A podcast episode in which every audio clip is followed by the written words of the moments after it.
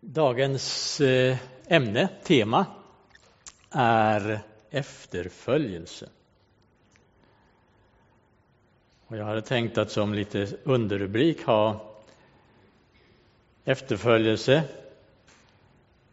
i en tid där man lever som om Gud inte fanns eller i världens mest sekulariserade land.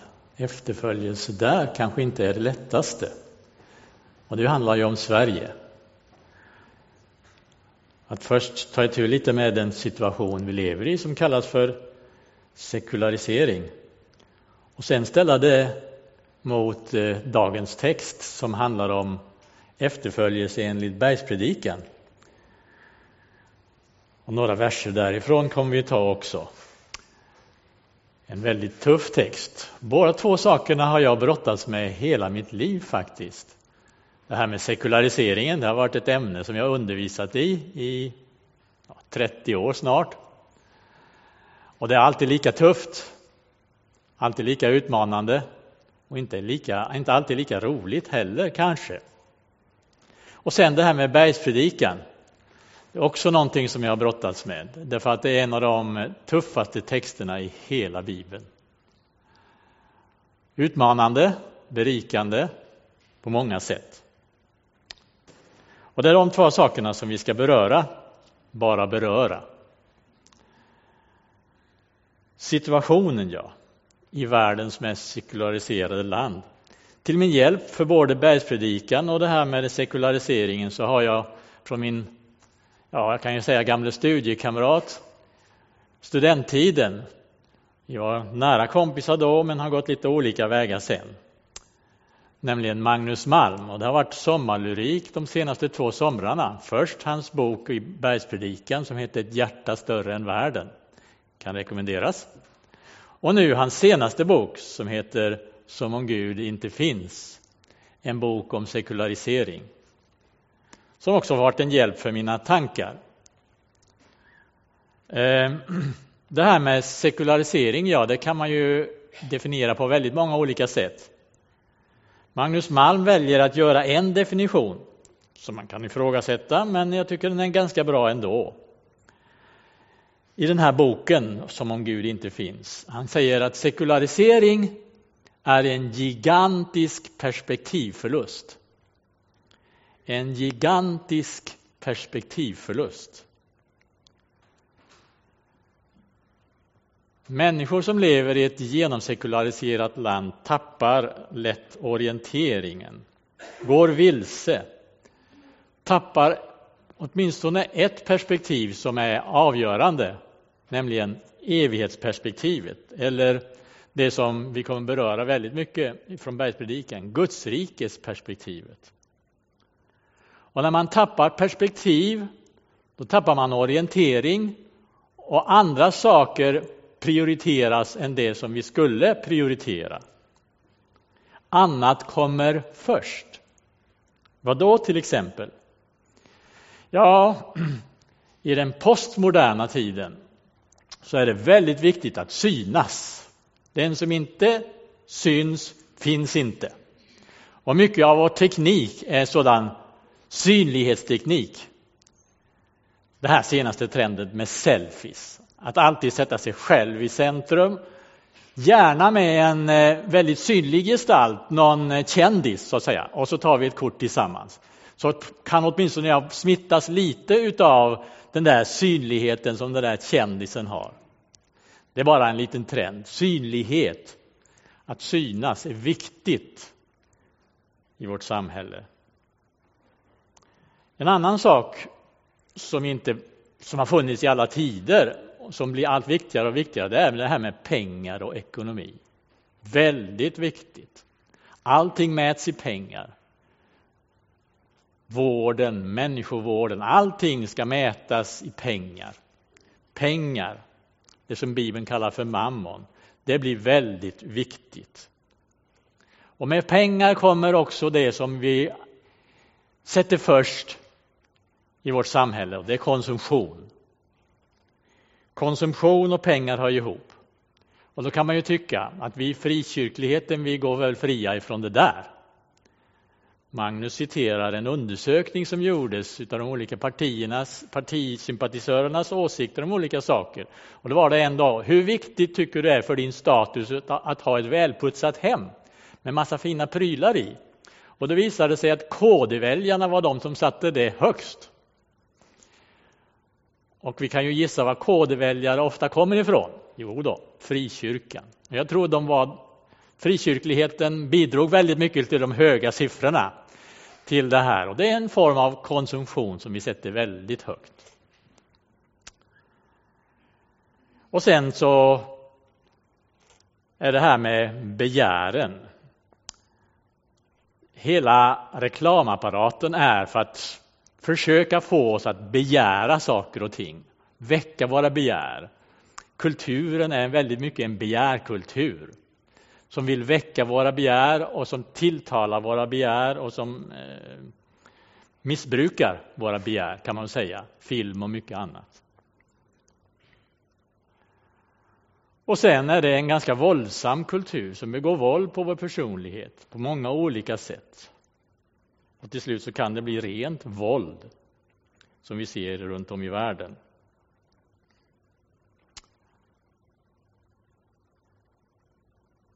hur ser då efterföljelse ut när man sätter sådana här saker och ting först? Och då kan det vara bra att gå till Bibeln och få en korrigering. Vad är Bibeln så speciellt Nya testamentet och speciellt Jesu perspektiv? Det får vi väldigt tydligt beskrivet i den mest koncentrerade undervisning som Jesus hade till sina lärjungar om efterföljelse och det är bergspredikan.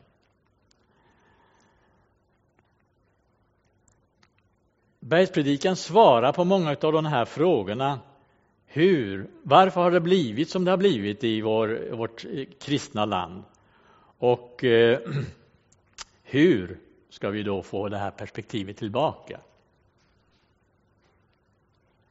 En av Magnus Malms teser i den här boken det är just detta att det är kyrkan som har bidragit till sekulariseringen mer än någon annan. Hur kan han påstå det? Jag kanske inte håller med honom helt och hållet, men i väldigt långa stycken så har kyrkan varit driven, drivande i Sveriges sekularisering när den har tappat någonting. Tappat det som bergspredikan och som Jesus väldigt tydligt i bergspredikans allra första början där säger vad vi är för några som kristna.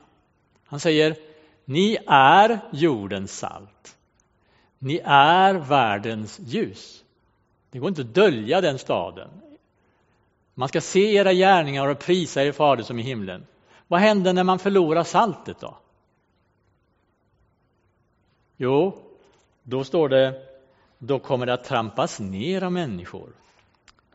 Om saltet mister sin sälta så blyger det till ingenting annat än att trampas ner. Och ljuset ska man ju inte ställa på skeppan, under skeppan och dölja det. Kanske det kan vara lite av svaret varför just kyrkan har bidragit till sekulariseringen. Förlorat salt, tappat ljus.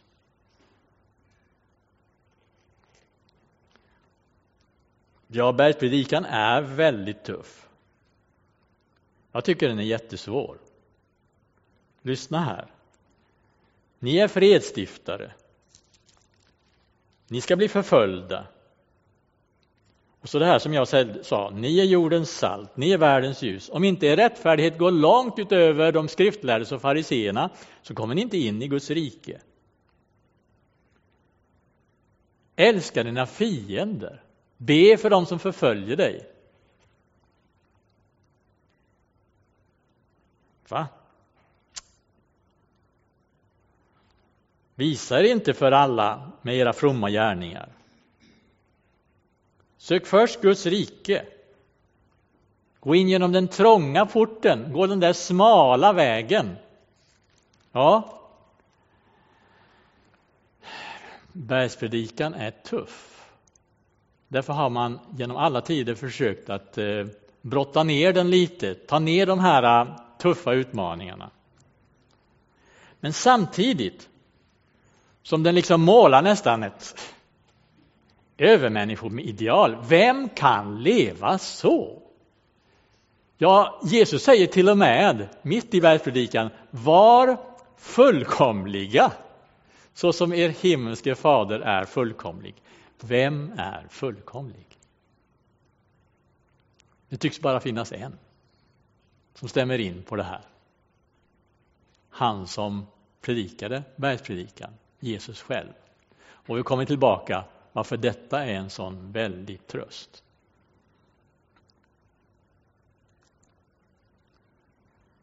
För det finns mycket trösterikt också. Det är ju de som är fattiga i anden, de som sörjer över sin situation.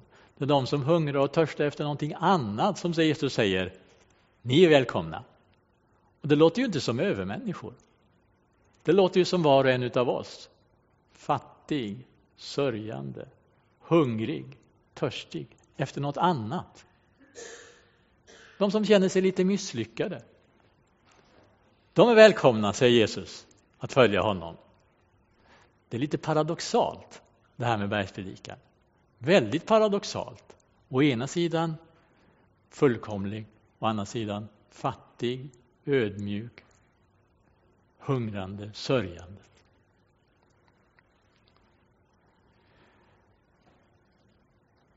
Så om vi nu går tillbaka till den ursprungliga frågan.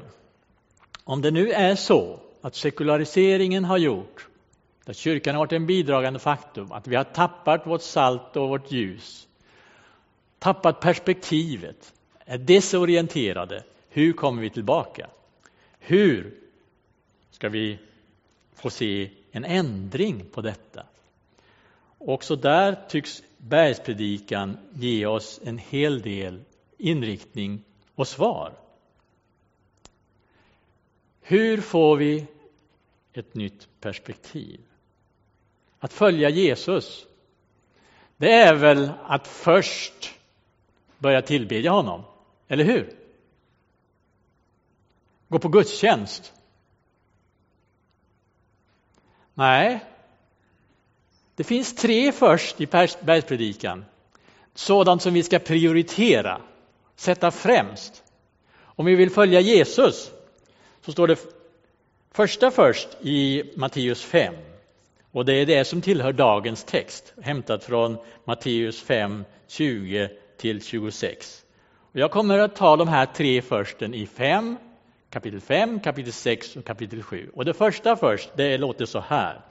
Efter att Jesus har sagt att eh, vi ska inte dräpa, men jag säger den som blir vred på sin broder, han undgår inte sin dom. Och den som okvädar sin broder, han undgår inte att ställas inför rådet. Och den som förbannar honom undgår inte helvetets eld. Men om du då bär fram din gåva till altaret, alltså om du ska gå och tillbedja, gå då först och försona dig med din broder.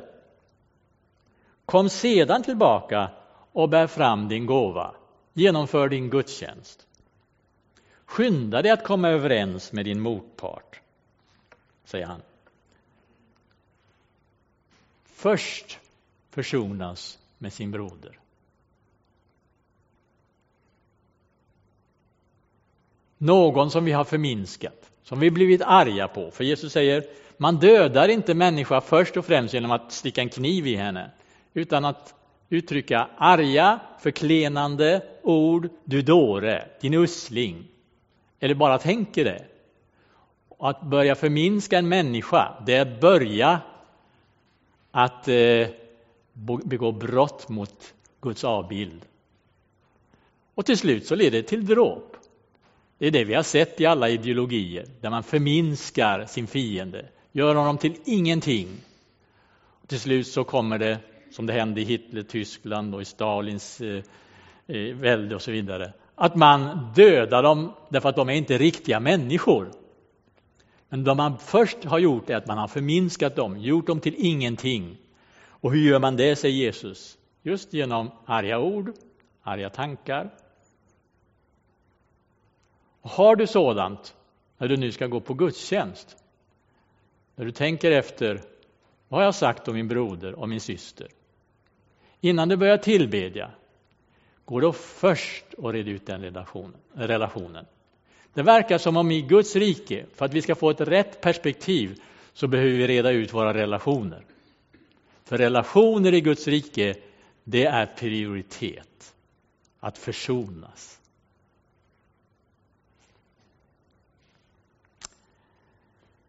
Nästa, i sjätte kapitlet, så kommer nästa först för att ge oss ett rätt perspektiv.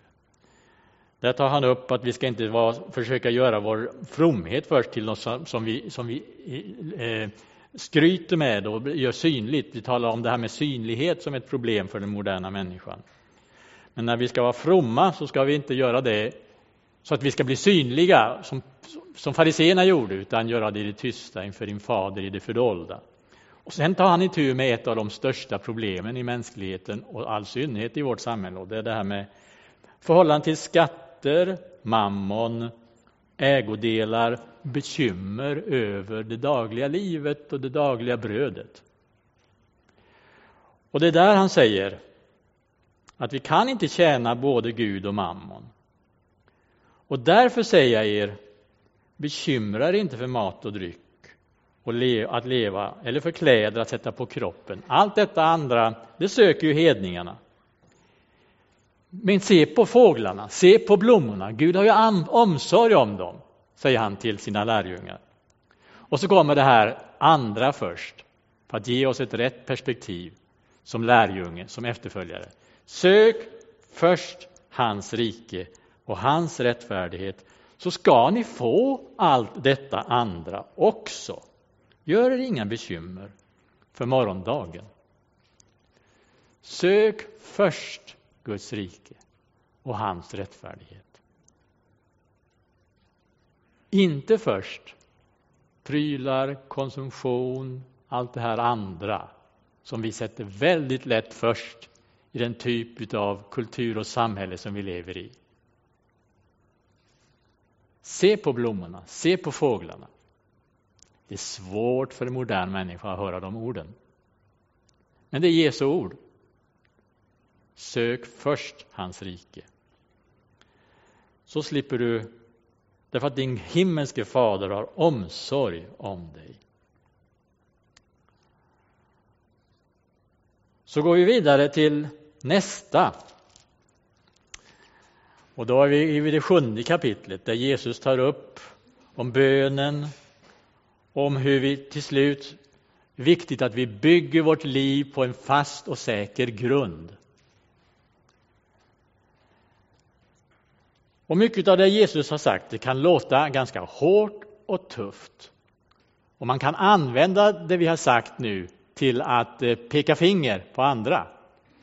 Därför kommer det sista förstet utifrån att Jesus säger i sjunde kapitlet Döm inte, så ska ni inte bli dömda. Döm inte, för med den dom som ni dömer ska ni, ska, det, ska ni bli dömda. Med det mått ni mäter ska ni mätas. Och hur kan du säga till din broder, låt mig ta ut flisan ur ditt öga, du som har en bjälke i ditt eget. Och så kommer då förstet då. Ta först bort bjälken i ditt eget öga, så kan du se klart och ta bort flisan från din broders. Det är viktigt att kunna se klart, att ha rätt perspektiv. Men hur får vi det? Genom att döma andra? Nej, säger Jesus.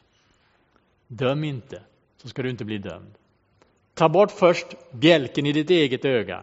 Sen kan du börja se klart, få bra, bättre perspektiv så att du kan ta ut fliserna ur andras ögon. Det står inte att vi ska inte ta itu med att hjälpa andra, men det står att vi ska ha rätt prioritering, börja rätt med oss själva. Säger Jesus.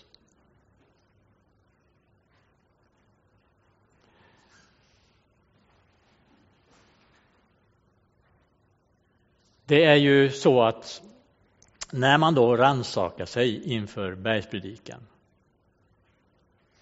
då blir det så tufft, så utmanande, så man känner sig på något sätt tillintetgjord.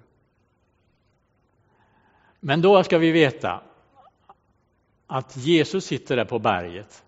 Lärjungarna sitter i ringar runt omkring honom. Alla har sin blick på honom.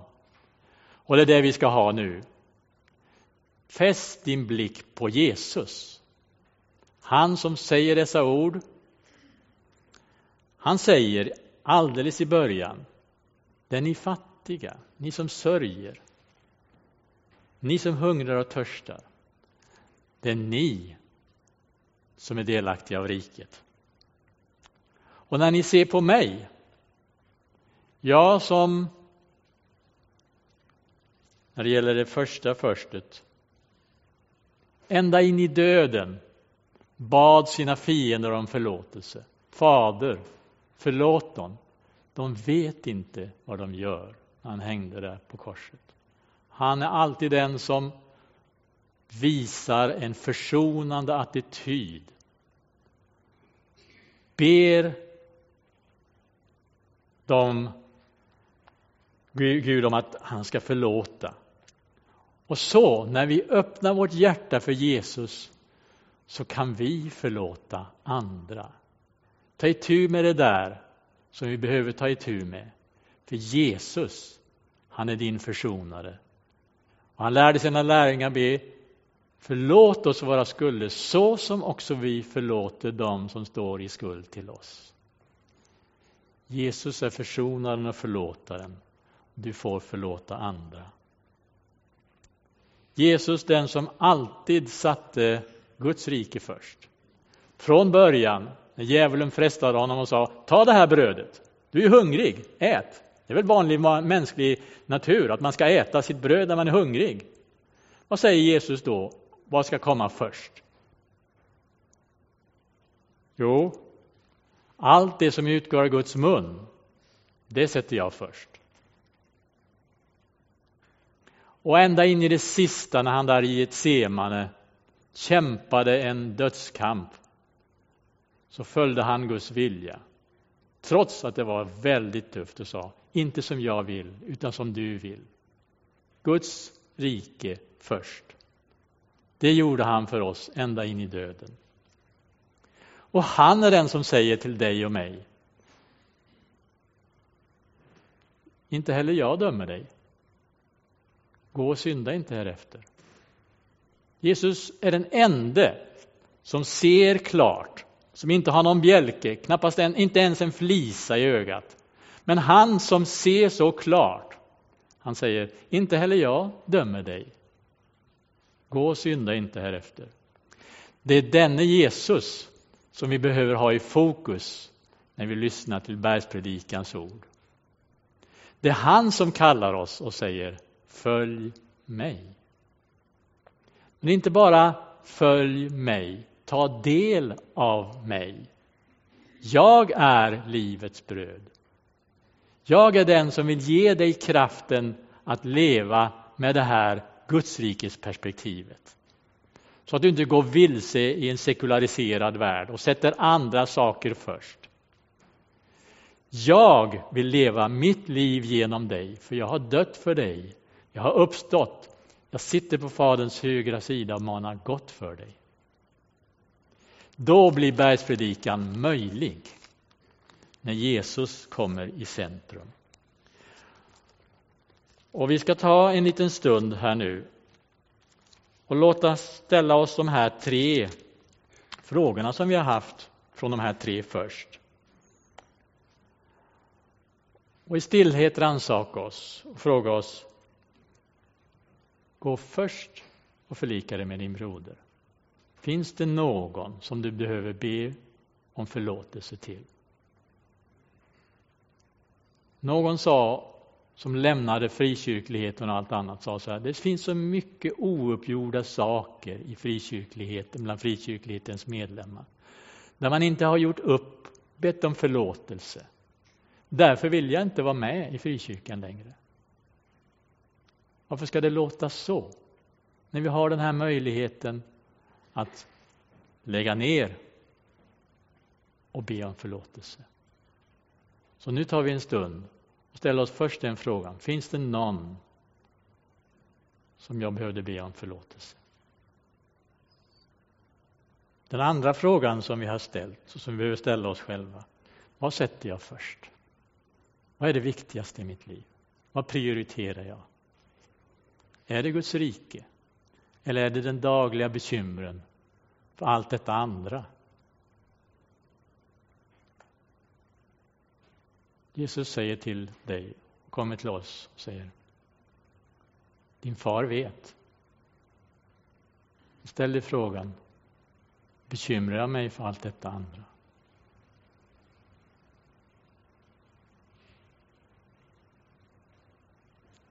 Den tredje frågan det handlar om att inte döma. En stor undersökning i USA som visar på att de unga generationerna flyr kyrkan. Främsta orsaken? De är så dömande. De kristna dömer hela tiden. Därför orkar jag inte vara med.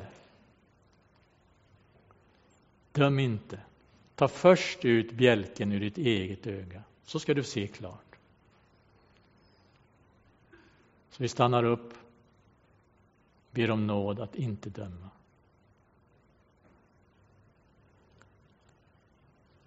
Men så var det nu det här med fokus. Paulus säger, när han har gått igenom allt vad Jesus har gjort för oss, i Romarbrevet och vi läser det nu i slutet. Vad innebär nu allt detta, det som vi har talat om? Om Gud är för oss, vem kan då vara mot oss?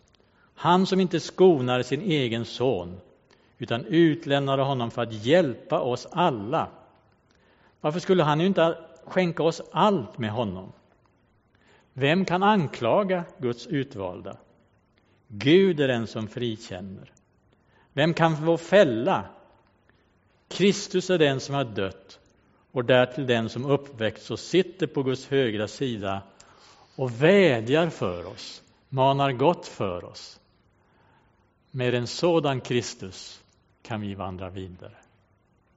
Amen.